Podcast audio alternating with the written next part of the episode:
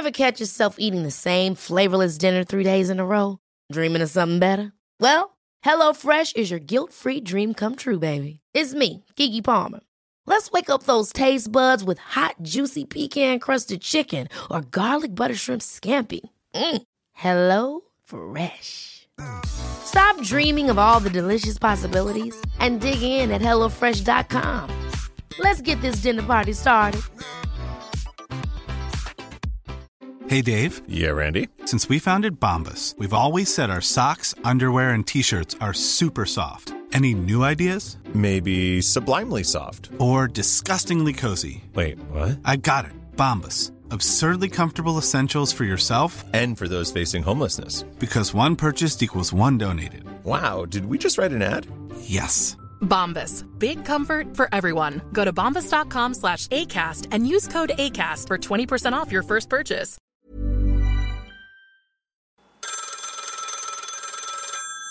Nämen tjänare! Du har precis börjat lyssna på ett avsnitt av Bröta på. En väldigt göteborgsk historiepodd.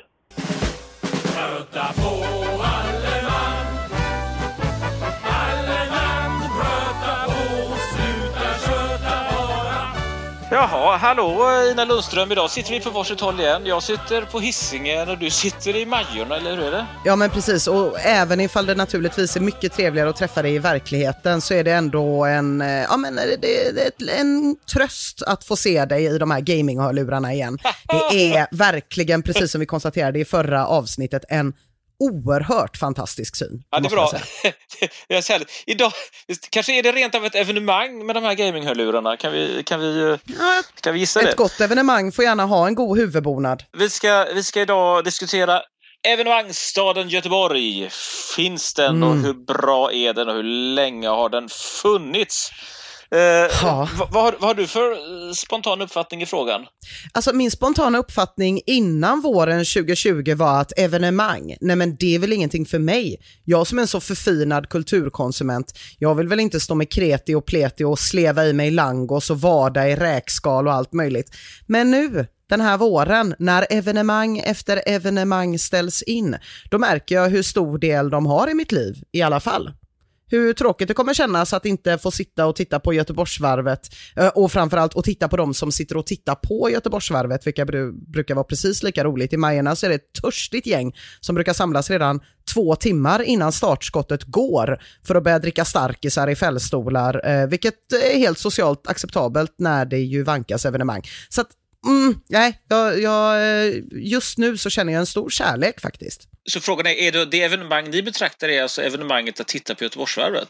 Är det, är det så det går till? Ja, precis. Det är ju ett, eh, ett eh, stort evenemang med band som spelar, ofta med ordvitsar i namnet som Stenade rullarna som kör Rolling Stones-covers etc. etc. Det är, ja, det är härligt alltså, det har något. Ja, eh, när, det, när det gäller då Göteborgs historia som evenemangsstad, det är ju inte ett eh, raster som man så ofta lägger över historien, evenemangsrastret. Lite svårt att veta vad som är ett evenemang. Eh, är det, var det till exempel ett evenemang när regalskeppet Vasa sjönk i Stockholm 1628? Det var ju ett Stockholms evenemang, så det är inget vi behöver engagera oss egentligen i. Men, men eh, jag har funderat lite grann över vad ett evenemang egentligen är och det, det är ju någon typ av undantagstillstånd och när det gäller evenemang i Göteborg så tycker jag nog att vi ska vara rätt så strikta och hävda att det bör vara ett slags kalas kan man säga, en festlighet, ett undantagstillstånd som alla göteborgare i någon mening är bjudna till. Eh, Det betyder att jag är lite strikt och li lite avvisande när det gäller sådana saker som fotbollsmatcher eller eh, Håkan Hellström-konserter eller så, som, som visserligen är, är stora spektakel men där eh, man köper biljetter och man är liksom inte inbjuden om man inte eh, vidtar ganska betydande åtgärder för att ta sig dit. Ja, men det är väl en väldigt rimlig avgränsning tycker jag. För om man tittar på någonting som då är verkligen ett arrangemang som Way Out West, så gör ju det snarare att en del av Slottsskogen inte används av nödvändigtvis göteborgare så som det brukar. Brännbollsmatcher och sånt som får flytta på sig några hundra meter. Så att, eh, ja, den definitionen är jag absolut med på. Och när det gäller historiska evenemang så, så är det ju svårt Eh, det är alltid svårt att veta i vilken mån göteborgarna har känt sig inbjudna. Jag har en, eh, ett, eh, en liten observation från våren 1658. Vad härligt. Ja, eh, och jag, jag, jag är lite osäker på om det kvalar in som evenemang, men kontentan var i alla fall att kungen var på besök i Göteborg. Eh, kungen hette då Karl X Gustav och eh, om man inte vet hur han såg ut så kan man tänka sig eh, sådana här hårdrocksband som var populära på 90-talet som ofta hade en ganska fet basist, tunnhårig med en liten ful svart mustasch, bösig för trånga kläder. Så såg Karl X Gustav ut. En synnerligen osund ung man och historikern Peter Englund som är expert på 1600-talet har till och med antytt någon gång att den här Karl X Gustav kanske rent av rökte brass emellanåt. Eh, och, Oj! Ja, och att det här skulle kunna vara förklaringen till att han så modigt lät hela den svenska armén gå över isen vid Stora Bält. Eh, Jag trodde att det skulle vara att han kanske rökte brass och därför såg han ut som en studiomusiker. Ja, Men vem vet? icke. Nej. Vem vet vad som är hönan eller ägget här.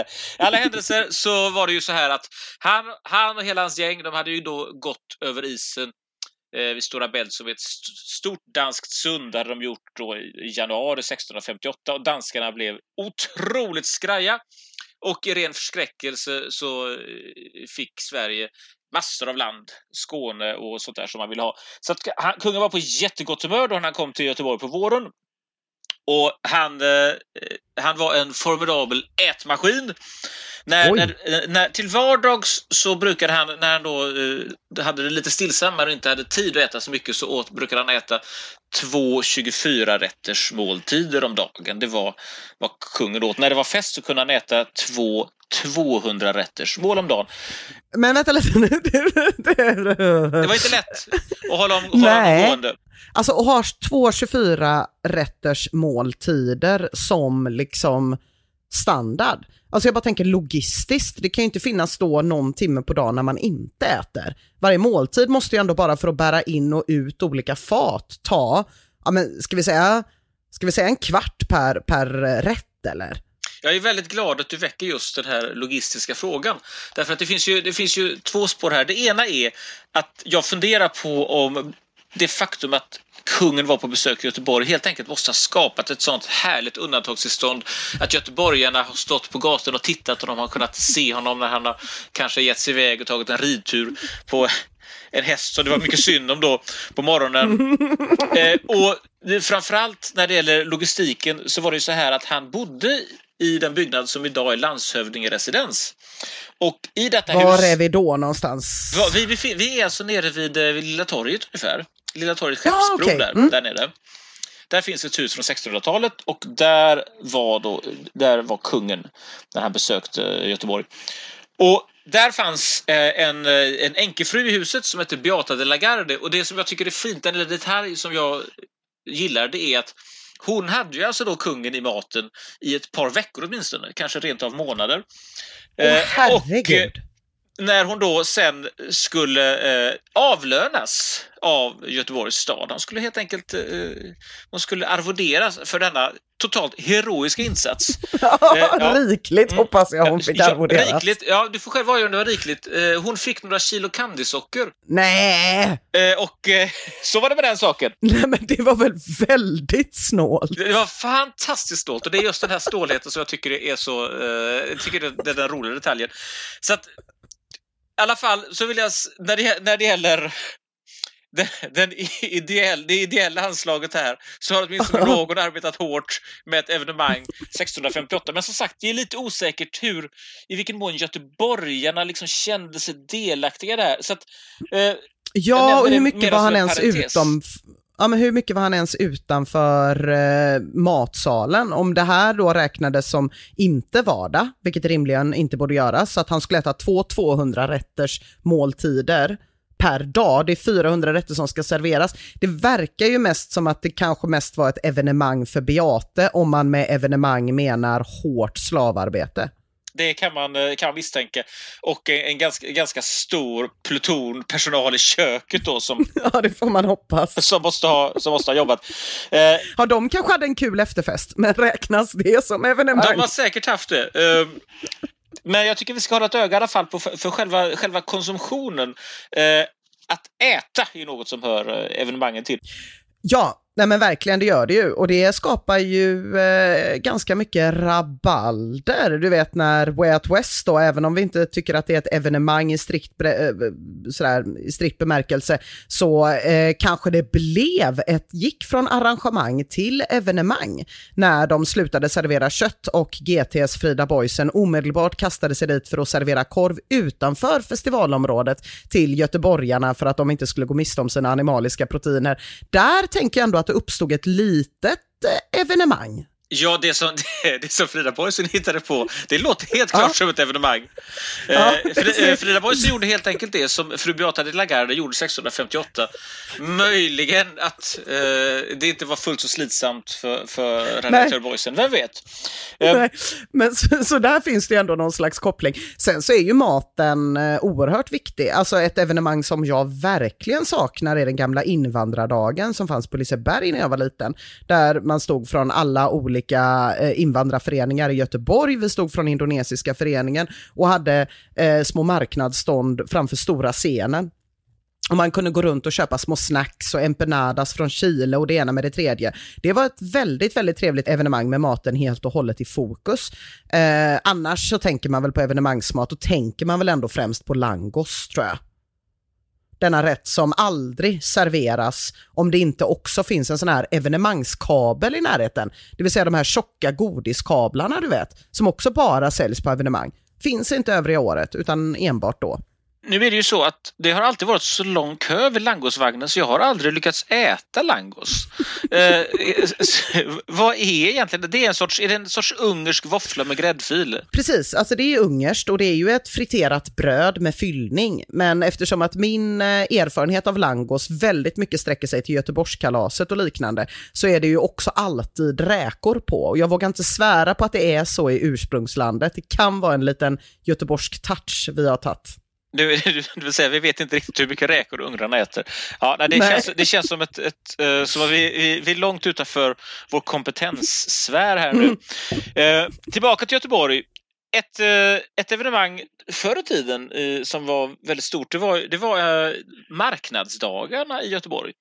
Och det, ja. det, det, det, låter ju nästan bonskt och eh, halvt medeltida detta att man träffas på olika marknadsdagar. Men, men det var så Jag ser så. framför mig att det kommer ett gäng knallar från ja. Sjuhärad med eh, bra affärsinne och lite småsnåla knallar från från Hyssna ser jag framför mig att de kommer ifrån. Ja, det, det fanns säkerligen knallar från Hyssna, men jag skulle kunna tänka mig att du inte behövde gå längre än till Hisingen för att eh, få, få hisingsbönder som, som tog sig till Göteborg eh, på de här marknadsdagarna. Eh, men det finns faktiskt en av dessa, eh, en av dessa marknadsdagar, eh, en av dessa Larsmässemarknader som jag vill slå ett särskilt slag för. Larsmässemarknaden som ägde rum på sensommaren i augusti var, mm. var en av årets stora spektakel, ett av årets stora evenemang i Göteborg. Och eh, i augusti 1823, då var det ett specialevenemang. Så därför vill jag slå ett slag. Om vi nu ska försöka hitta ah. stora evenemang så vill jag hävda att den 18 augusti 1823, förlåt 13 augusti 1823 ah, är Ja, det är noga med åren där. Men den, vad var det som hände jo, då då? Då kom den första ångbåten till Göteborg. Och det var oh, en hjulångare och den hade 22 hästkrafter och hjulångaren hette Brötanund. Det här vill jag säga är ett riktigt bra namn på en hjulångare. Och det, det, som gör det, det som gör det extra fint, det är ju det att, att Brötanund som var drygt 23 meter lång och hade mm. alltså 22 hästkrafter, kom till Göteborg lite för tidigt. Kom till Göteborg Jaha. redan sådär den 5-6 augusti. För att den hade så himla många hästkrafter? Ja, det, det, är lite oklart varför de kom för tidigt, men de var här för tidigt. Och eftersom de då ville få maximal publikeffekt så var mm. de då tvungna att vänta till den 13 augusti. Så de låg ute vid Känsö och tryckte i en vecka för att... och bara liksom trissade upp evenemangsstämningen. För att trissa upp evenemangsstämningen för att kunna göra den perfekta entrén den 13 augusti. Och då kan man alltså tänka sig att det är massor av göteborgare som är samlade då ungefär vid Stora Bommen. Och vid den här tidpunkten har det alltså aldrig ett Ingen sjöresa har skapat någon typ av ljud överhuvudtaget. Det har prasslat lite i seglen, det kanske har, Mm. har eh, plaskat lite om årorna. Eh, Karl- Gustav III var på besök på 1780-talet och hade då med sig en turkisk janitjarorkester i båten. Men det var ju så att säga inte båten som lät utan det var orkestern i båten som lät. Utan sjöfart var någonting som var tyst. Och nu står alltså göteborgarna vid Stora bommen och ser hur något fasansfullt kommer gungande och Brötanund kavande. brötar in. Brötanund kommer upp för älven. Denna julångare som frustar och stånkar och som till slut då lyckas, lyckas lägga till där med, med sin ångpanna och sina skovlar. Ah. Och, och, och sen, sen ska de också göra några sådana här propagandaresor. Det, det går faktiskt inget vidare. Bland annat eftersom de då försöker åka till eh, de försöker åka till Marstrand och så tar veden slut. Ah. Så, de, får- de, så de får, de får vis paddla i land på lite öar och fråga om de kan få låna ved för att ta sig hem. Gud, Så- vad, så- gud vad Ja, tråkigt. lite, lite, lite dystert. Eh, Ja, det är som att komma i en limousin och be folk swisha en 20 för bensinen Just när de det. åkt med. Just det, det, är- det, det, är faktiskt, ja, det är faktiskt nästan ännu värre eftersom det förutsätter att, att det bara skulle finnas en enda limousin i Göteborg. Ja, det här, det här Var ju, precis. det var ju den nya tiden. Men det här är ju någonting som har fått göteborgarna att gå man ur huse och de har stått Mm. på bryggan och de har sett hur den nya tiden kommer och det har väsnats. Och det har luktat. Ja men det är ju inte dumt. Jag tänker på det här med marknadsdagarna. Vi Ja. har ju också den här megaloppisen i Majerna som äger rum varje år, inte i år då. Eh, och där är det ju, alltså där kan man ju snacka om evenemang. Det är så mycket människor så vissa delar av gatorna går inte ens att gå på. Det är så knökat. Och naturligtvis säljs det evenemangskablar då, de här tjocka godiskablarna som jag tycker är så viktiga för att det ska vara ett riktigt evenemang. Och jag bara tänker mig, tänk att liksom landa en jumbojet på Mariaplan mitt under de här omständigheterna. Ja, det är ju kaka på evenemangskaka på evenemangskaka. Fantastiskt tillfälle måste det varit att vara med Det på. måste, det måste det varit, ja. Och, eh, och det, det var, jag tyckte det var roligt, väldigt roligt att du, att du tog upp de här, eh, den här loppisdagen i Majorna därför att det känns som om det verkligen är så att, att om det finns någon arvtagare till en sån här Larsmässomarknad från 1600-talet där man har några speciella marknadsdagar då man äter lite för mycket, eh, då man träffas, då folk kommer och säljer saker där de inte annars brukar sälja saker, så är det egentligen eh, den här typen av loppis i Majorna i mycket högre grad än att gå till saluhallen eller något annat. Ja, men det tror jag nog. Man kan hitta lite vad bös som helst, skulle jag säga. Mm. Och ibland kommer det slipade knallar som, eh, har, från, eh, som jag inbillar mig är från Sjuhäradstrakten, som vet exakt vad barnen vill ha i år. För några år sedan var det någon som kom med fidget spinners. Det vet du inte du vad det är kanske, Christian? Eller vet du det? Jag har köpt ett hundratal fidget spinner till, till min dotter. så jag, jag, jag, jag, till och med, jag har till och med smugglat fidget spinners in i Sverige från Finland. Och då, då kan jag säga att när den första, jag såg mitt livs första fidget spinner på en Majerna-loppis och det gjorde en väldigt stor del av Majernas barn också för några år sedan. De hade bara sett dem på YouTube eller i andra tuffa sammanhang. Den här killen blev i princip nerbrottad och när hans fidget spinners tog slut kunde man se gråtande barn gå från plaskdammen som såg ut som hötorgsmålningar i ansiktena när tårarna rann på deras smutsiga ansikten för att de inte hade lyckats få tag i en av de här dyrgriparna. Och jag har inte bekräftat att han är från Sjuhärad, men allting pekar ju på det. Allting pekar på det. det. Ja, det är bra.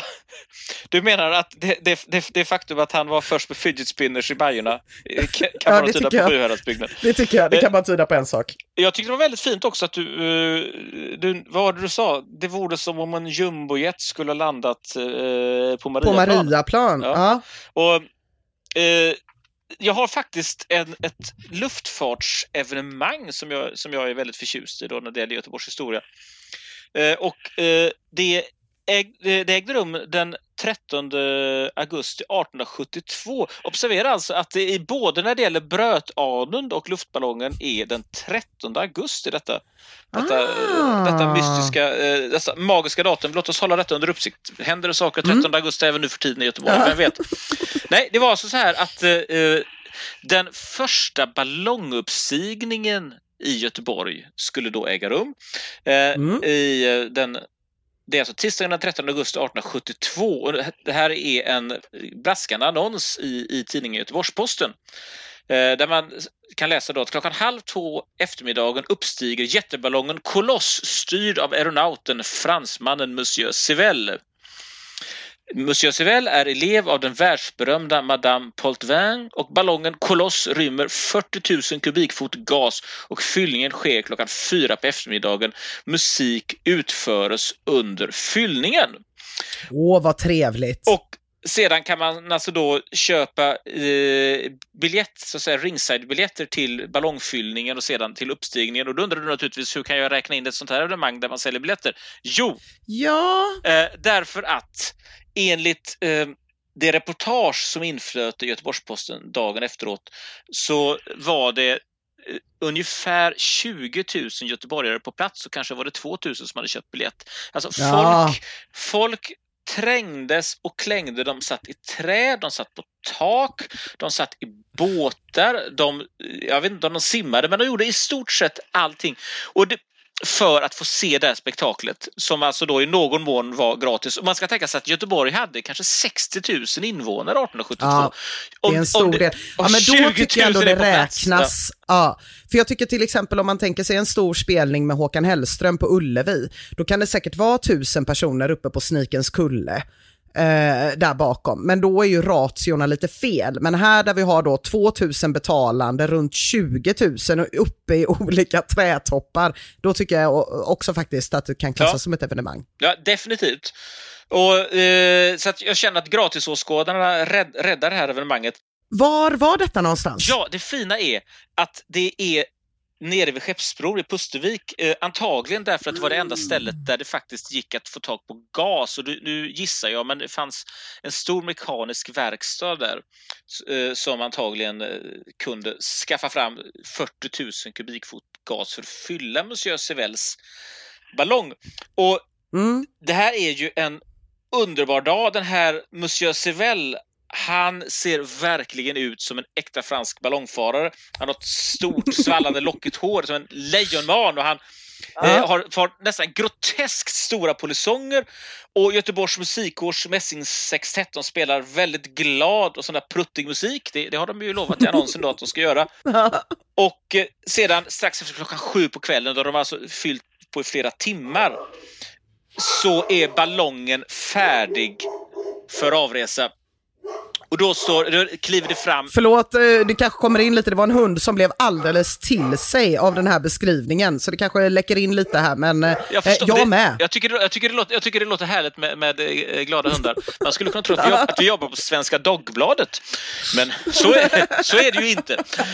Nåväl, vi, vi stannar i den här, det här ögonblicket, den här augustikvällen 1872. Eh, ballongen är alltså fylld Monsieur Civelle med eh, de enorma polisongerna står redo. Man kan tänka sig att diamanten på hans kravatt glittrar i kvällssolen. Ja, men det gjorde den. Eh, Det, det är fullt av klirrande kalla pilsnerflaskor som folk har kylt i älven. Spänningen är olidlig. Göta älv bara brer ut sig, brer ut sig. Föreställer detta. Och det som sker då är att, att tre göteborgare kliver fram för att de ska få bli de första göteborgare som flyger till väders. Alltså det här är för första gången man lyfter. Och då är det, det, det är tre personer. Eh, Den, den ena är en redaktör på Göteborgs Handels och Sjöfartstidning, eh, den så kallade flygande reportern. Han kallades faktiskt för den flygande reportern. Eh, Maurits Rubensson. Men det visar sig sen att han har inte någon hundralapp med sig. Man ska alltså ha med sig hundra, hundra riksdaler. Oj! Det, ja, det är, Han trodde att presslägget skulle räcka. han hade nog trott att pressläget skulle, skulle, skulle räcka. Och eh, 100 riksdaler, ja alltså det, det är ju eh, ett, par, tusen kronor minst. Det är Ja. lite svårt, men, men du kan nog räkna med att det är så sådär 5 000 spänn. Det är alltså en bra slant. Sen är det en, eh, en lärare som har ungerskt namn, vem vet, han kanske hört den där klanen som, som så småningom började sälja langos.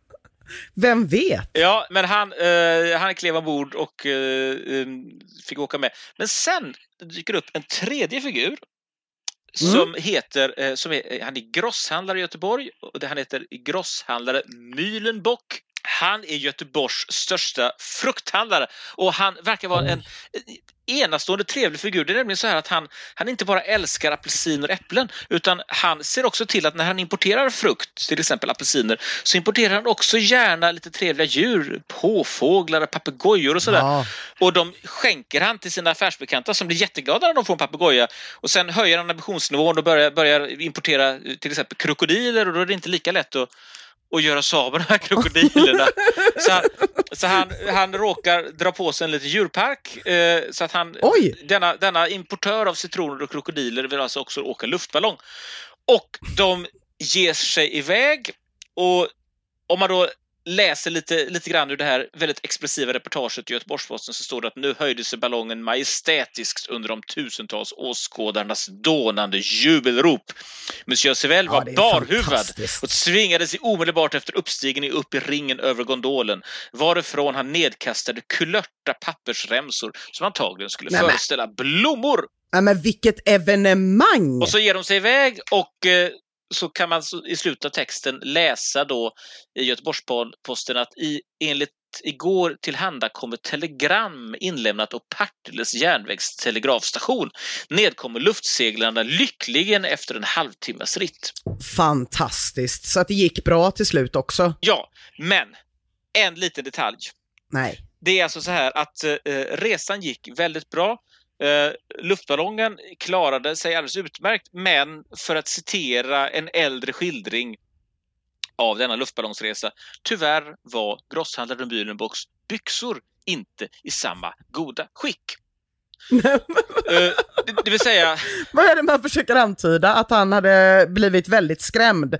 Trots att han hade hanterat krokodiler och påfåglar och papegojor hela sitt liv och borde kunna stå emot det mesta, så var ändå att lyfta från marken en lite väl stark upplevelse. en lite väl stark upplevelse. Alla som eh, kan sin Astrid Lindgren, sin Madicken, vet att exakt den här episoden förekommer ju där, nämligen när borgmästaren ska flyga flygplan.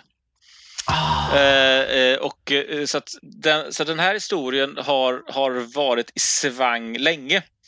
Eh, och eh, eh, så sent som i början av 19 1990-talet när jag intervjuade gamla hembygdsentusiaster så, så berättades den här historien ungefär som om de själva hade varit med.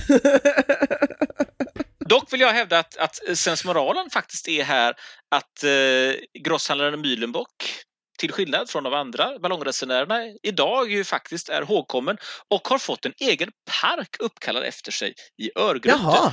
Och jag misstänker att han inte hade fått detta om det inte vore för den lite besvärande olyckan med hans byxor. Det är i alla fall... Ja, men det är väl inte omöjligt? Ja, men, eller, det är väl inte omöjligt att ett gott evenemang kan leda till att byxor får betala priset? Absolut, det är säkerligen... Men kan man få en park i utbyte så är det ju inte så dumt ja, förstås. ja. ja, men det är säkerligen många byxor som har strukit med vid, Ja. vid, vid göteborgska evenemang. Men det här med liksom, kopplingen mellan frukt och evenemang, den leder oss ju lite närmare någon slags nutidshistoria. För att när man pratar om Göteborg som evenemangsstad, då brukar man ofta kontrastera det mot industristan. Alltså att man tänker att Göteborg var en industristad och sen blev det någon gång på 90-talet när bananbåtarna slutade komma, en evenemangsstad. Och då är det ju lite spännande att en plats som Bananpiren, som verkligen har varit ett ställe för hårt arbete, har blivit en plats för fest. Det är ofta de där lite bortglömda delarna av stan som ingen riktigt vet vad man ska göra av, som lämpar sig för evenemang. Nu till exempel under corona så är det drive-in bio och allt möjligt. Det går liksom att smacka av något, för det är stort, det är öppet, det är ganska centralt.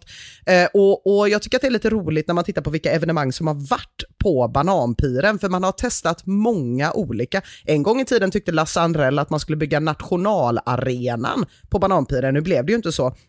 Däremot har det varit liggande cykeltävlingar. Nu, nu Eh, får du förklara, ursäkta, vad är, en, vad är en liggande cykel? Är det cyklarna som ligger ner eller ligger man ner på Nej, cykeln? utan det är en sån cykel man ligger ner på. Ja. Ja, och cyklar. Har du sett dem? Cyklisten ligger ner. Cyklisten ligger ner Ja. och cykeln är specialutformad för detta. Och så Ja. kan man ha tävlingar i det. Och det har man naturligtvis, så man är så här, var ska man ha den här? Ja, men det är ju bananpiren, självklart. Rullskideskytte, samma sak. Är det en sport? Jag vet inte. Vi tar den på bananpiren. Så tror jag lite grann att eh, snacket går. Man har haft racertävling, eller man har i och för sig inte haft det för den blev inställd på grund av ett stulet brunnslock någon gång på tidigt 2000-tal. Sen så har man ju såklart det kanske kändaste då, Volvo Ocean Race, där det ju är jättemycket folk som samlas. Eh, och där är det ju alltid festligt och där kan det också finnas lite missöden. För några år sedan var det en proffsseglare som bet en vakt i tummen där, när han inte blev serverad mer öl och fick böter på 39 000 kronor. Också gott evenemanget. Och självklart, jag vet att alla sitter och undrar, inte minst du Christian Wedel, och jag kan bekräfta att Electric Banana Band har spelat på Bananpiren. Så det behöver man inte oroa sig för. Det har hänt. Ja, där rök ju min första följdfråga faktiskt. Det, men, men hur är det? Eh, det, det låter ju som du är väldigt insatt när det, när det gäller eh, nutidsevenemang. Ehm, hur, hur förhåller du dig till det här eh, kommunala evenemangsbolaget Göteborg och Company? Dels undrar jag det och sen är det också så här att, att vi har ju ett område i Göteborg som kallas för evenemangsstråket. Ja, ska vi kanske börja där? Ja, alltså jag, jag, eh, evenemangsstråket började dyka upp redan mitten på 90-talet, men jag skulle säga att jag hörde mest om det i början av 2000-talet. Då snackades det väldigt, väldigt mycket och jag har väl alltid känt att tanken på att evenemang ska äga rum just på en speciell plats känns lite konstig. Jag tänker också att den platsen blir väldigt öde när det inte sker evenemang här och det här är ju en kritik som många har haft. Eh, men för att det här inte ska bli en stadsplaneringspodd så tänkte jag med, ta med mig ett kul exempel eh, istället, nämligen Jimby som är en så organisation eh, kring stadsbyggnad skrev så här den 1 april 2013 på sin blogg. Eh, apropå då att man bestämmer olika funktioner som ska äga runt i olika delar av stan och koncentreras till den ytan. GP meddelar idag att tävlingen om Hedens framtida utformning är klar. Det vinnande förslaget heter The Bubble och tanken är att resa en hög kupol över hela det nuvarande Heden. Ytskiktet är helt transparent och den stora bubblan kommer bli ett tydligt landsmärke i staden. Stadsbyggnadsdirektör Inga Dubier säger här kan vi samla alla stadens tusentals utspridda workshops till ett koncentrerat workshopstråk inuti The Bubble. På helgerna kommer The Bubble vara öppen för allmänheten. Det kommer finnas post-it-lappar i flera olika färger till självkostnadspris och ett stort antal whiteboard-tavlor där man kan skriva upp idéer och förslag. GP har redan anordnat en namntävling och de förslag som leder är Bubble Glenn, tätt följt av Pratbubblan och Glädjebubblan. Och jag tyckte det var ett bra aprilskämt, för det visade ändå lite grann på det här absurda i att säga nej, varför ska vi ha workshops på massa olika ställen? Alla ska äga rum på Heden. Och lite så känns det ju när man ska ha Bergakungen och eh, Ullevi och Skandinavium och, och, det som ligger där ligger ju där. Men eh, jag kan tycka att evenemang borde få sippra lite utanför stråket också. Ja, det kan man, kan man ju tycka och jag, jag har nog, eh, vill jag hävda, eh, förskjutit min ståndpunkt lite grann när det gäller evenemangsstråket och, och, och Göteborg Company. Och det beror helt enkelt på att jag, jag var i Uppsala för ett tag sedan och så pratade jag med lite, lite goda vänner där. Och eh, de talade med, eh, jag ska inte säga vördnad, men i alla fall eh, med, med någon sorts beundran om Göteborg. De sa att det är fantastiskt, ni har ett kommunalt, kommunalt bolag som bara har som uppgift att göra folk glada. ja. Och då kände jag att ja, men det, är ju, det är väl kanske inte så dumt det, trots allt. Nej, Nej men det är väl inte det. Att vi försöker, att vi försöker göra något kul. Ja. Vi, vi göteborgare vi blir ju alltid hånade. Vi hånade för att vi inte är coola. Vi kommer aldrig vara coola, ja. stridsmarta, sådär kallt stockholmska. Vi kommer alltid vara lite, lite grann som de här harmlösa småtjocka marsvinen som är eh, eh, mysiga men, men som inte eh, som, inte, som inte gör någon upprörd. Men i gengäld så är, vi ju, så är det ju ganska bra att vara glad och trevlig. Och det är väl det är kul att vi... Att, det, är väl, det är väl bättre att vi eh, har ett, eh, ett kommunalt bolag och en plats för att göra skoj grejer en, ja låt oss säga, ett militärt övningsområde eller någon sorts... jo, jag får ge dig delvis rätt i det att jag tycker att så här, visst, det är ju eh, väldigt tydligt när det är evenemang eller ja, snarare arrangemang i stan som drar mycket människor från andra delar av Sverige, det vill säga Stockholm, eh, att stämningen blir lite annorlunda. Stämningen på Way Out West är väldigt annorlunda. Det är väldigt mycket stockholmare. Man har helt plötsligt VIP-områden, man har helt plötsligt köer in på nattklubbar, man har helt plötsligt personen som står och pekar ut vem som är tuff och vem som inte är tuff nog. Det har man ju annars med i Göteborg, men inte alls i den utsträckningen. Inne på Way Out Wests VIP VIP-område så är det dessutom inte så att det finns en nivå, utan det finns kanske sju olika nivåer av exakt hur viktig man är. Jag misstänker att allra längst in i Way Out Wests VIP-område så är det bara en liten svart låda där någon riktigt cool house-DJ som jag inte ens vet namnet på för jag är en alldeles för stor tönt från Tyskland sitter i sin ensamhet. Men det är också saker som är otänkbara under till exempel ett Göteborgskalas eller någonting i den stilen som är mycket mer en folklig fest. Så visst, absolut, och en ena sidan. Men å andra sidan så tror jag att jag, hade haft jag och väldigt många andra hade haft mycket lättare för Göteborg och Company om det hade funnits en större historisk tolerans för evenemang som inte arrangeras av det kommunala bolaget. Eh, om man till exempel tittar på andra långdagen som länge blev väldigt hårt motarbetat, alltså att man inte kunde ställa dit soptunnor exempelvis, efterfrågade arrangörerna, det blev inga soptunnor. Nu har det blivit något annat slags arrangemang som har ett eh, tillstånd och då, då är det bättre. Och det är väl helt okej, okay, men att då Göteborg och Company som jag råkade gräva fram när jag skrev en artikel om det här för länge sedan, använde bilder från andra långdagen på omslaget i sin verksamhet verksamhetsberättelse. Då känner jag, nej, ni kan inte ta man, man får inte ta hur som helst. Och det, det var ungefär likadant som det var med Göteborgskalaset och Göteborgskarnevalen. Att länge hade vi ju någonting, eller länge under några år på 80-talet och i början av 90-talet så fanns det en karneval som gick på Götaplatsen som anordnades från början av några hippies i Haga som gick ut på stylter och alla möjliga grejer. Men det var ju 80 000 deltagare eh, och jag minns själv att jag blev målad som en clown där och det var väldigt, men det var också sådär att nej, men spårvägen tyckte att det var för jobbigt och eh, Stadsteatern skulle spela Fröken Julie och det störde minsann. Så 94 blev sista året man körde, men vad hände 1995? Jo, då kom ju Göteborgskalaset i sin ursprungsform i och med att det var friidrotts-VM det året. Och då är det plötsligt inte omöjligt för spårvägen och för fröken Julie att upprätthålla sin vanliga, eh, sin vanliga verksamhet. Och det där tycker jag är någonting som man ser lite genom Göteborgshistorien och som jag stör mig lite på faktiskt. Ja, det, för, det förstår jag. Uh, samtidigt om man ska försöka bena upp här lite grann ansvarsfrågan så inte är det väl Göteborg och Company som uh, stoppar uh, soptunnor och hävdar att uh, spårvägen måste ta sig fram.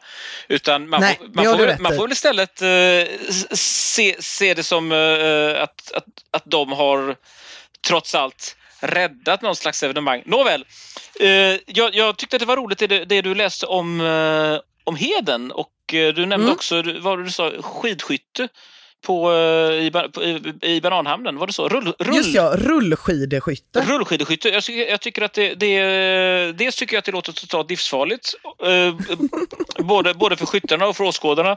Eh, och, eh, men dels tycker jag också att det verkar vara en fin, gammal fin Göteborgstradition. Jag har nämligen hittat ett evenemang från vintern 1875 i Göteborg. Eh, där, och det ägde rum på Heden Eh, och det handlade inte om att ha workshops i en bubbla utan att eh, man hade fångat en björn och denna björn hade man tjudrat på heden och sedan annonserade man i GP eh, och meddelade att om någon vill ansluta sig till björnjakten på heden så kan man få komma dit med sitt gevär och man kan också en stund i förväg få, få titta på björnen. Eh, det här evenemanget låter osedvanligt blodigt och brutalt. Man har alltså en tjudrad björn och man har ett 50-tal inte fullt nyktra grosshandlare med salongsgevär ja. eh, och man står på heden. Det här låter som eh, en säker död för björnen men mm. det låter också som ett synnerligen farligt evenemang. Även för grosshandlarna och framförallt för åskådarna. Ja, jag, har, jag, har, inte lyckats hitta någon beskrivning av hur detta egentligen slutade. Vi kan nog utgå från att det gick illa för björnen. Men hur det gick för resten vet jag faktiskt inte.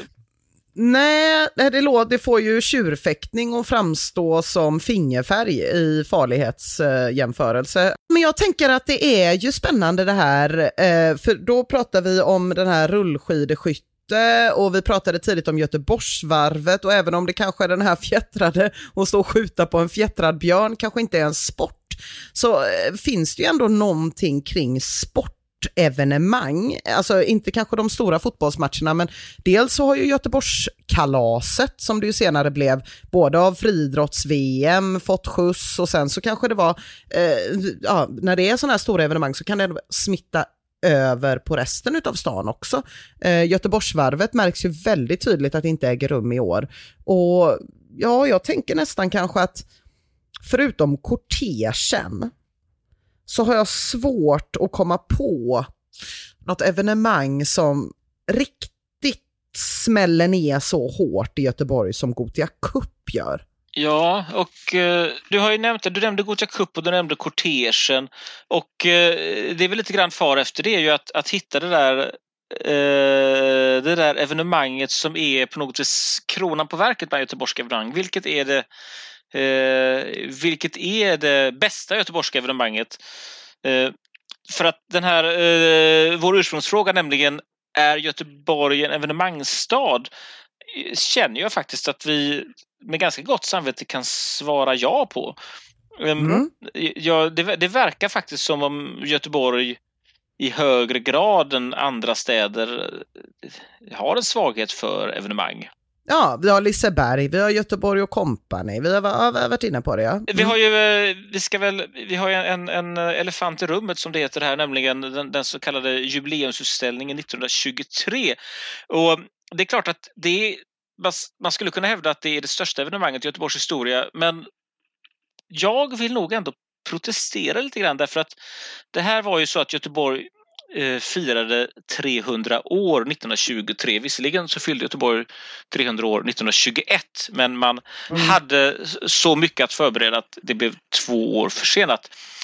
Eh, Det här var en enorm utställning. Eh, man byggde Liseberg, man byggde Botaniska trädgården, man byggde Slottsskogsvallen, man byggde Konstmuseet. Eh, Man eh, byggde Naturhistoriska museet i Slottsskogen. Det var en enorm aktivitet. eh, Det var mer än en för, eh, föreslagen linbana kan man säga. Ja, det var, mer, betydligt, det var eh, betydligt mer än föreslagen linbana och jag tror att man, att man efter att ha haft öppet i, ja, nu ska jag se, man öppnade på försommaren 1923 och stängde i oktober, alltså det är något halvår ungefär, så hade man räknat in, jag tror mellan 4 och 5 miljoner besökare, så det var ju Ja, enormt. Men ja, det är stort. jag skulle vilja hävda att det här i praktiken var massor av eh, eh, massor av enskilda evenemang som så att säga knöts ihop under det här stora jubileumsparaplyet. Att det var ett evenemang när man invigde Slottsskogsvallen och ett evenemang när man invigde Botaniska trädgården och ett när man invigde eh, Ah. när man invigde Naturhistoriska museet till exempel. Och Inget av dessa enskilda evenemang har ju varit i närheten av att mobilisera en tredjedel av göteborgarna som ju till exempel då den här eh, luftballonguppstigningen med Monsieur Sevell och Grosshandlare Nej. Mühlenbocks byxor 1872. Eh, så, så, där, så därför, jag vill bara på något vis ha lagt detta till handlingarna, att därför, därför så, så, så skjuter jag denna, denna stora Ja. utställning 1923 åt sidan en liten smula och vill ändå släppa in det igen när det gäller vårt nutidsspår.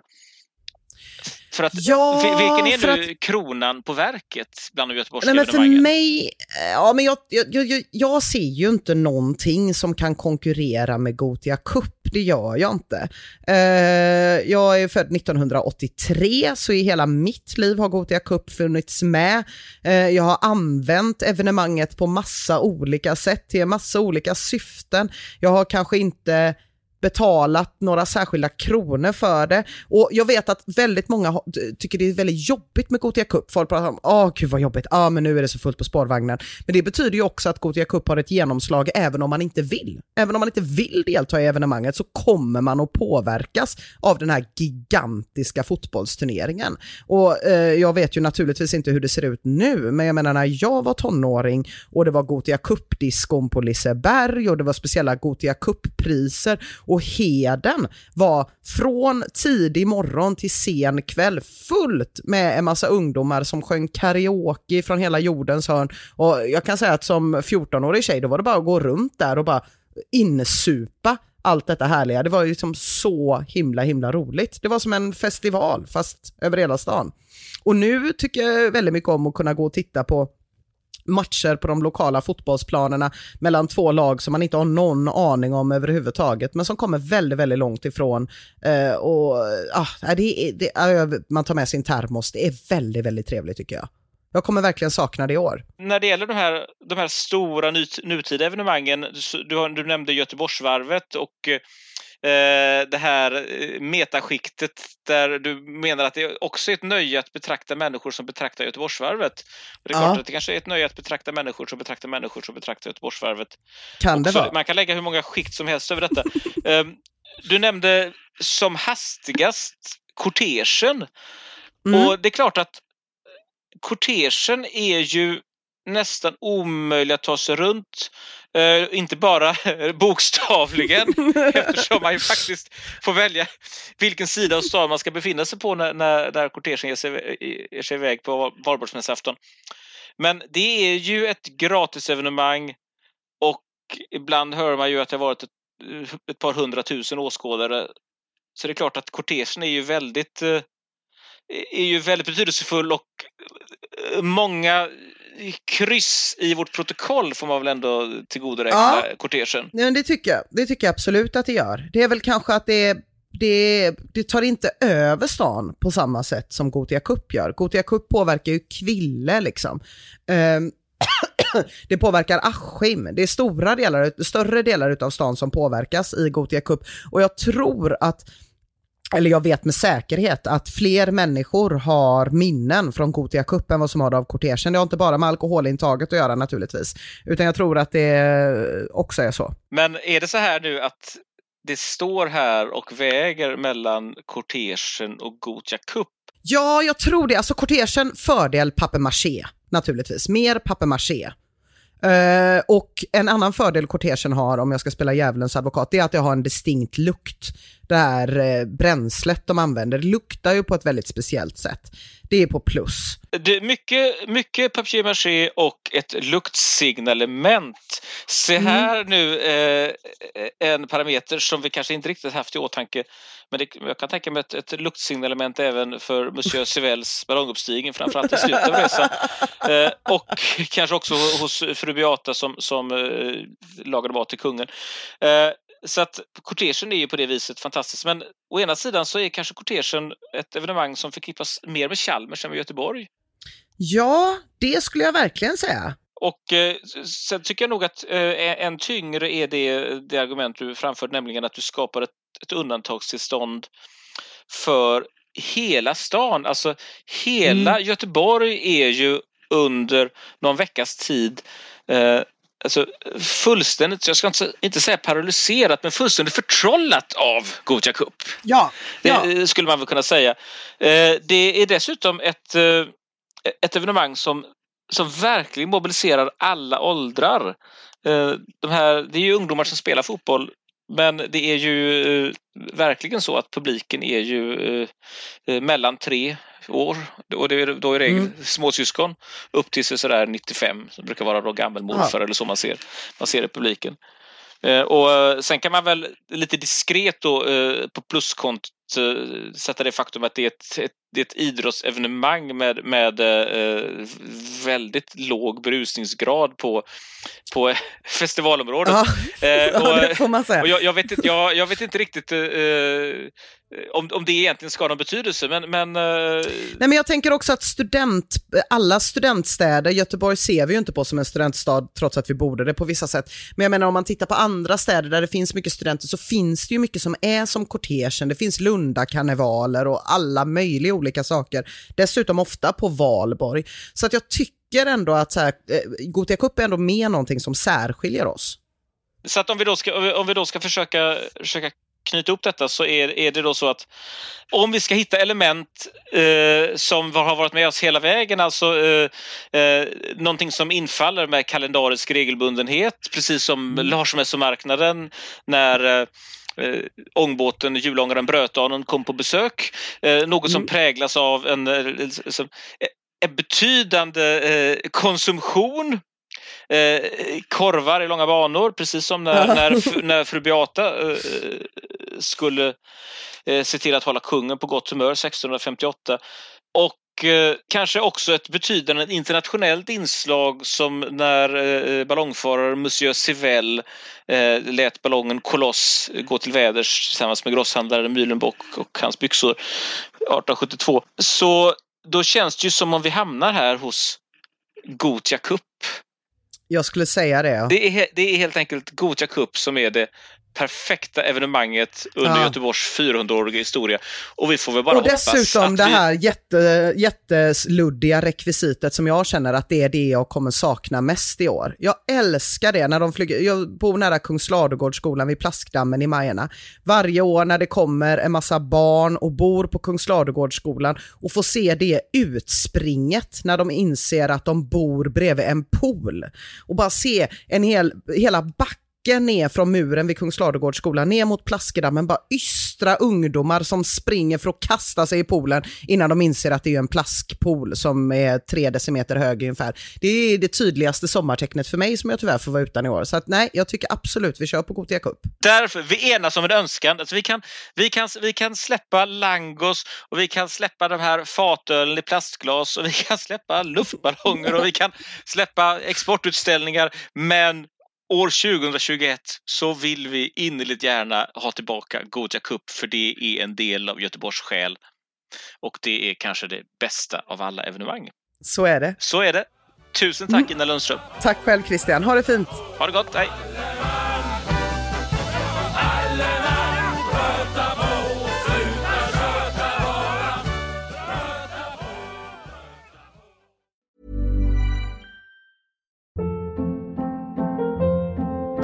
Hold up. What was that? Boring. No flavor. That was as bad as those leftovers you ate all week. Kiki Palmer here, and it's time to say hello to something fresh and guilt-free. Hello Fresh. Jazz up dinner with pecan-crusted chicken or garlic butter shrimp scampi. Now that's music to my mouth. Hello Fresh. Let's get this dinner party started. Discover all the delicious possibilities at hellofresh.com.